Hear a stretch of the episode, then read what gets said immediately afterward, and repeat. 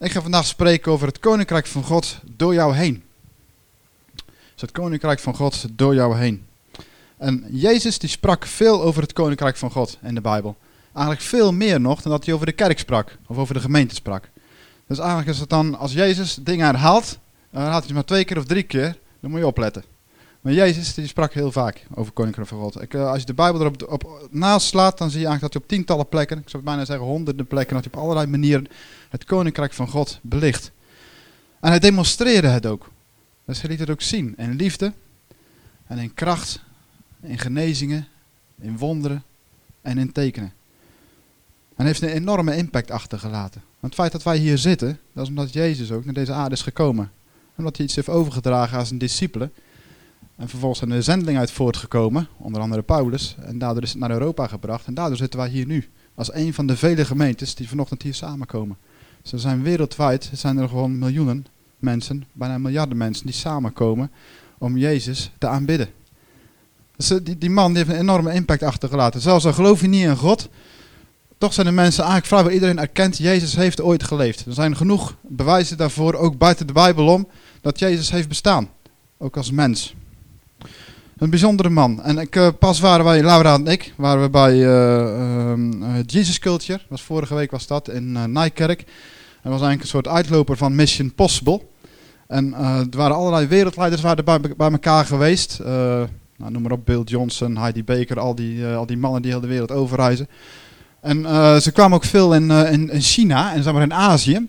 En ehm, uh, ze hadden eigenlijk alles een beetje bij elkaar opgeteld. En dan kwam eigenlijk tot de conclusie, zeg maar, alles bij elkaar, alles wat ze wisten, dat er op dit moment dat er 200.000 mensen per dag tot geloof komen in Jezus Christus. 200.000 mensen per dag. Als je dat uitrekent, ik heb het nalo nalopen rekenen, ik hou, ik hou van getallen, 70 miljoen mensen per jaar op dit moment. Dus dat gaat in een razend tempo. Gods koninkrijk, die komt echt, en dat gaat echt heel hard op dit moment. Landen als China, er wonen op dit moment wonen meer dan een miljard mensen. Uh, er wordt van gezegd dat het niet heel lang meer duurt, nog enkele jaren, dat de meeste christenen zich in China zullen bevinden. De meeste christenen in China. Hè? Ik bijna zeggen, we blijven hier in Nederland. 1200 jaar christendom. We hebben nog een weg te gaan, denk ik. Maar dat gaat komen. Er zijn verwachtingen uitgesproken, ook van allerlei mensen die vol van God zijn, vol van de Heilige Geest. En ook in Nederland, dat gewoon ook het leven van God weer terug gaat komen. En het gaat komen. Je ziet het gebeuren op, op, op, op uh, bijeenkomsten als opwekking. Dat ook kerken, gewoon kerkbreed, ook de jeugd, tot met de oudste persoon, voor allemaal worden ze opnieuw aangeraakt. Krijgen een nieuwe aanraking van de Heilige Geest. Worden op nieuwe manieren kennis gemaakt met de Heilige Geest. Dus dat is super gaaf om te zien hoe God bezig is op dit moment. Allemaal door Jezus. Die kwam 2000 jaar geleden als mens naar deze aarde. Dus Jezus kwam in een lichaam. Hij moest naar de hemel. Dat zei hij, dat had hij als opdracht gekregen om daardoor zijn geest aan ons te kunnen geven. En nu zijn wij, zeg maar als kerk, wereldwijde gemeente, zijn wij zijn lichaam. Wij zijn het lichaam van Jezus, op dit moment. Dus de verantwoording zeg maar, voor het verspreiden van Gods koninkrijk ligt voor een groot deel bij ons. Het initiatief komt van de Heilige Geest en van Jezus, maar wij zijn zijn handen, wij zijn zijn voeten, wij zijn zijn mond, wij zijn zijn oren. Veel kerken, te veel kerken hebben denk ik uh, bedacht dat er alleen maar een mond is, dat er allemaal oortjes zijn om te horen. Te veel. We hebben al zoveel gehoord, zoveel woorden gehoord, veel van ons. Meer preken dan menig evangelist in Afrika of Azië bij elkaar. Yes? En dan, ik weet niet of wie ziet er wel eens het programma Obese, zondagavond. Yes, ik zie wat handen omhoog gaan. Dat zijn mensen die wat te veel eten en te weinig bewegen. Zo kan het ook een geestelijk opzicht zijn. dat je vol bent van Gods woord en voor alleen maar dikker, dikker, dikker, dikker. Eigenlijk is het zo op dit moment dat heel veel christenen lijden aan obesitas. Geestelijke obesitas. En dan zou ik niet zeggen 100 kilo, ik denk wel ruim 200 kilo. En dat we nauwelijks meer kunnen bewegen, gewoon door alle, alle woorden, alle geestelijke dingen die we hebben meegekregen van, uh, van God, die we gewoon niet doorgeven. En dat is geen veroordeling, maar het is ook vaak gewoon dat we dat gewoon misschien onszelf hebben opgelegd, dat weet ik niet. Maar Jezus zegt, en hij gaf eigenlijk als opdracht, dat gaf hij voordat hij naar de hemel ging. En op dat heb ik pas ook al een keer gezegd, vaak is iemand die voor het, laatst, als je die spreekt of ziet, spreek uit eigen ervaring, vlak voordat hij nou, komt te overlijden, misschien een beetje zwaar, dan zeggen ze vaak hele belangrijke woorden. Dan komt er vaak uit wat er diep in hun hart leeft. Jezus zei, hij zei, maak alle volken tot mijn discipelen. En ik denk dat dat was wat diep in zijn hart leefde. Dat hij dat was het plan dat hij hier op aarde kwam. Hij heeft wonderen, tekenen, genezingen laten zien. Maar vervolgens, toen kwam eruit wat erin zat en waarom dat hier kwam. Maak alle volken tot mijn discipelen. Want God wil dat er niemand verloren gaat. Niemand. Hij wil dat iedereen gered wordt. Hij wil dat iedereen gered wordt. En Jezus zegt, als je op mij vertrouwt, zul je hetzelfde doen als ik. En zelfs meer dan dat. Zelfs meer dan dat. Bij sommige mensen gaat er al een knopje om. Denken van, ah, meer dan dat. Dat zal wel niet. Nee, het staat hier. Het is woorden van Jezus zelf. Meer dan wat Jezus heeft gedaan, kunnen wij doen. Mogen wij doen. En Bart zei dat vorige week heel mooi. Hij zei, weet je, zo'n klein, je voelt jezelf zo klein. En we hebben zo'n opdracht voor het gevoel. Maar dan kunnen we niet aan onszelf. Is daarom, dat vond ik heel mooi wat Bart aan het eind zei. Heilige Geest, blaas op ons. Weet je, daar hebben we Gods geest voor nodig. Gods geest. En niet door kracht, niet door geweld, maar door mijn geest, zegt de Heer. Door mijn geest. En Gods geest, dat is liefde. En dat is vreugde. En dat is vrede. En dat heeft kracht. Dat heeft kracht. Dus wij zijn verantwoordelijk voor de verspreiding van Gods koninkrijk. En wij, samen, zijn het lichaam van Jezus. We zijn eigenlijk allemaal, ik zou bijna zeggen, kleine Jezusjes. Hè? Allemaal kleine Jezusjes. Ik zou bijna kleine Jezusjes, we zijn als Jezus. Geloof en doen gaan dus samen bij de verspreiding van Gods koninkrijk. En daar wou ik het over hebben. Dat is Gods koninkrijk door jou heen. We gaan even naar Petrus eh 2 vers 9. 1 Petrus 2 vers 9. En er staat in de Bijbel van jullie zijn een uitgekozen generatie. Dus als je bij Jezus hoort, je hebt voor hem gekozen, dan ben je heel speciaal. Sowieso zijn we heel speciaal, maar als je bij Jezus hoort, dan ben je een uitgekozen generatie. Jullie zijn door God uitgekozen en jullie horen bij hem. Nu zijn jullie een heilig volk, een volk van priesters. God heeft jullie uit de duisternis geroepen om te leven in zijn schitterende licht. Nu kunnen jullie iedereen vertellen over de grote wonderen van God. Dus wij zijn een bijzondere generatie en Gods bovennatuurlijke kracht, die is in ons. Gods bovennatuurlijke kracht is in ons. Dat is in iedereen. Hè? Die in, in Jezus gelooft. Bo God bovennatuurlijke kracht is in Gert. Is in Marcel. Is in Oscar. Is in Heidi. Is in Mirjam. Is in Rivka. Een van mijn dochters. Is in Noah. Weet je, Gods bovennatuurlijke kracht is in Erik. Gods bovennatuurlijke, dat is niet onze kracht. Het is Gods bovennatuurlijke kracht in ons. En de Bijbel roept er, roept, er ook in op. Van sta op en leef het uit. Eén woord, dat is eigenlijk het evangelie. Doen. Weet je, kom en ga. Doen. Dus vaak denken we heel, heel ingewikkeld. Gewoon doen. Doen wat God op je hart legt. Jacobus zegt het, uh, zegt het heel mooi. Als je gelooft, Jacobus 2 vers 26. Als je gelooft, maar geen goede dingen doet, dan is je geloof waardeloos. Het is dan net zo dood als een mens die niet meer ademt. Heb helaas in mijn leven, uh, nou goed, ik denk van de meeste van ons wel eens, wel eens een die niet meer ademt gezien. Nou, dat is niet fijn om te zien. Dat is niet fijn om te zien. Dat is ook niet Gods bedoeling, denk ik. Dus het gaat erom dat je dingen doet. Zodat je geloof leeft. En wat dan te doen? En dat is waar veel mensen van, waar begin je dan, hè? Weet je, Jacobus geeft er ook antwoord op. Hij geeft heel praktische antwoorden. Begint gewoon klein en dichtbij. Begint klein en dichtbij. Jacobus 1 vers 19 die zegt, je moet altijd bereid zijn om naar een ander te luisteren. Maar denk goed na voordat je iets terugzet. En word vooral niet meteen kwaad. Dus Jacobus zegt hier niet van ga allemaal de straat op, ga je in het centrum van Ede evangeliseren. Dat is ook heel goed. Ik heb het ook gedaan. Nog steeds. Maar hier zegt hij gewoon van wees bereid om te luisteren. Luisteren is zeldzaam in deze wereld. Echt luisteren. Hoe vaak maak je wel niet mee? Tenminste, ik weet of je het herkent. Dat je een verhaal staat te vertellen en dat iemand plotseling wegloopt. Of dat ze met een blik in één keer die. Of ze zien dat je langskomen. Of dat je echt luisteren. Echt luisteren is zeldzaam. Weet je, op die manier kan je al Gods koninkrijk laten zien.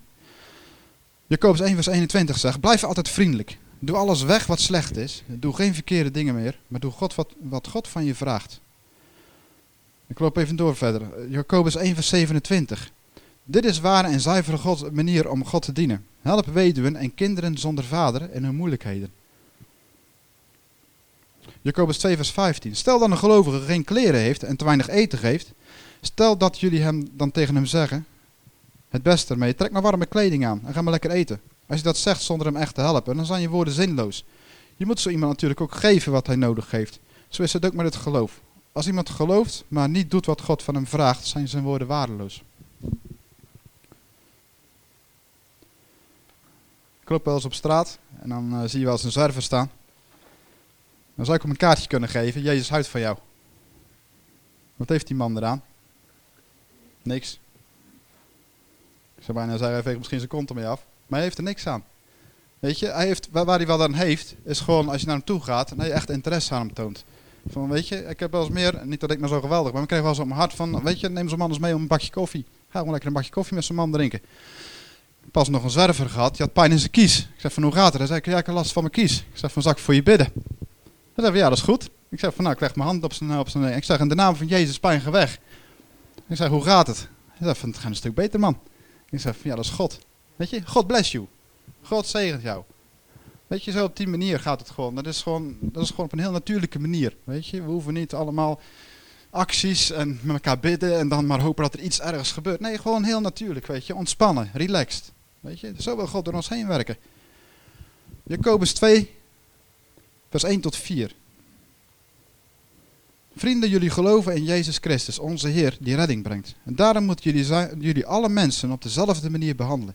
Stel dat jullie als christenen bij elkaar zijn en dat er dan twee mensen bijeenkomen.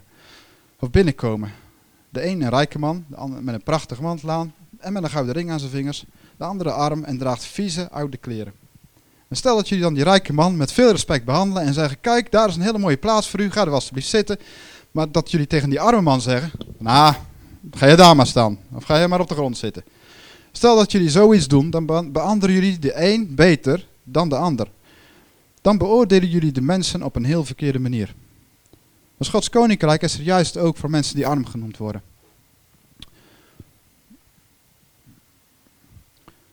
Weet je, dit kon je nooit uit jezelf. Als er hier iemand binnenkomt, hier uh, in Connect Kerk, en dan kom je binnen die wij niet zo uh, begrijpen, of die misschien een beetje vreemd gedrag vertoont, misschien wat roept, misschien stinkt naar de alcohol of naar de rook, misschien niet zo nette kleding aan heeft. Weet je, hoe gaan we daar dan mee om? Hoe gaan we er dan mee om? Nemen we afstand? Of heten we zo'n man welkom of vrouw? Weet je? Ook al kunnen we niet zo goed mee omgaan. Dus je kan het nooit uit jezelf. Het is gewoon belangrijk om gewoon vol te zijn van Gods geest. En gewoon Gods liefde te laten stromen. En gewoon echt ook naar de mensen te luisteren. Gewoon. Weet je, ook al komt iemand binnen die we niet begrijpen. Vaak is luisterend oor al genoeg. Weet je, we hoeven niet heel veel dingen op te tuigen en te doen. En uh, we hoeven iemand ook niet in ons hokje te proppen of zo. Weet je, God is veel groter dan dat.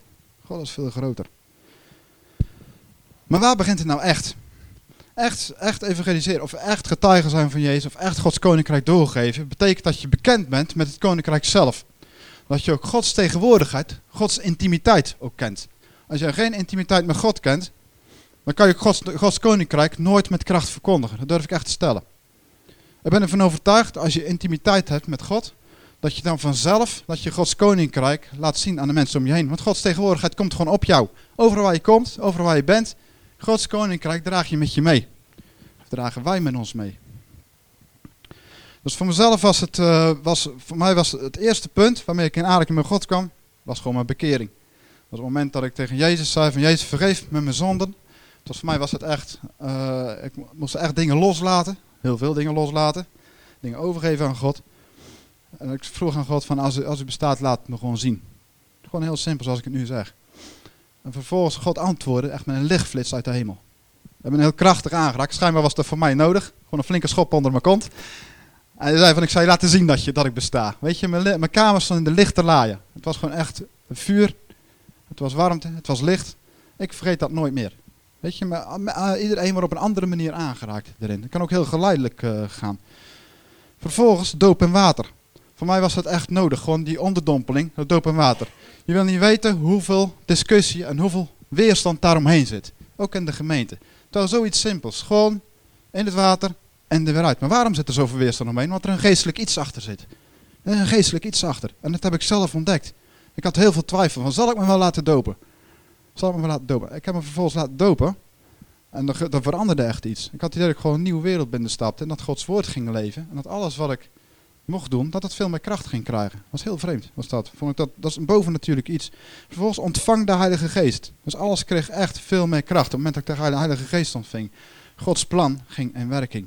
En de Heilige Geest, dat is gewoon eenvoudig als een geestvervuld christen. Zeg maar, als je denkt van ik, ik, ik weet niet of ik de Heilige Geest wel heb. Of, weet je, de Heilige Geest is echt wel in je. Maar echt de vervulling met de Heilige Geest. Gewoon de vervulling met de Heilige Geest. Dat je echt overstroomt, zeg maar dan is het gewoon ook goed om daar gewoon voor te laten bidden. Weet je, schroom niet. Dat je gewoon een geestvervuld christen vraagt van, zou je voor, mij willen bidden? Of dat misschien bijeenkomsten zijn, waarin dat wordt aangeboden van, zullen we voor je bidden? Weet je, dan laat gewoon de hand opleggen en je wordt vervuld met de Heilige Geest. En alles krijgt echt veel meer kracht. Echt veel meer kracht.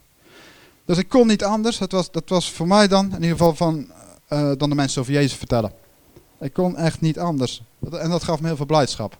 Het was voor mij geen must, maar dat gaf van echt blijdschap om dat uh, te doen. Dat ik op allerlei plekken mogen doen, gelukkig. En uh, ik heb ook uh, genezingen, wonderen, tekenen, heb ik daarin mogen ervaren. En het gaat dan niet om mij, maar je ziet Jezus, zie je daar doorheen. Gewoon. En dat sterkt je geloof enorm. Ik hoor wel eens van mensen omheen en zeggen van, Alfons, wauw, wat heb jij toch een geloof. En denk ik van, ja, weet je, maar dat is niet van mezelf, joh. Dat is niet van mezelf. Als jij meegaat in, in Gods stroom, gewoon, dan zie je gewoon dingen gebeuren. Dan zie je gewoon dingen gebeuren. Dus dat gaat vanzelf en dan buit je geloof op.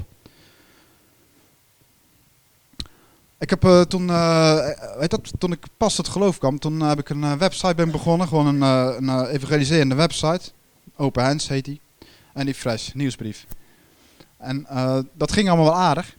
En vervolgens toen, toen kwam dus een aanraking met, met de Heilige Geest. Zeg maar, met de doop en de Heilige Geest.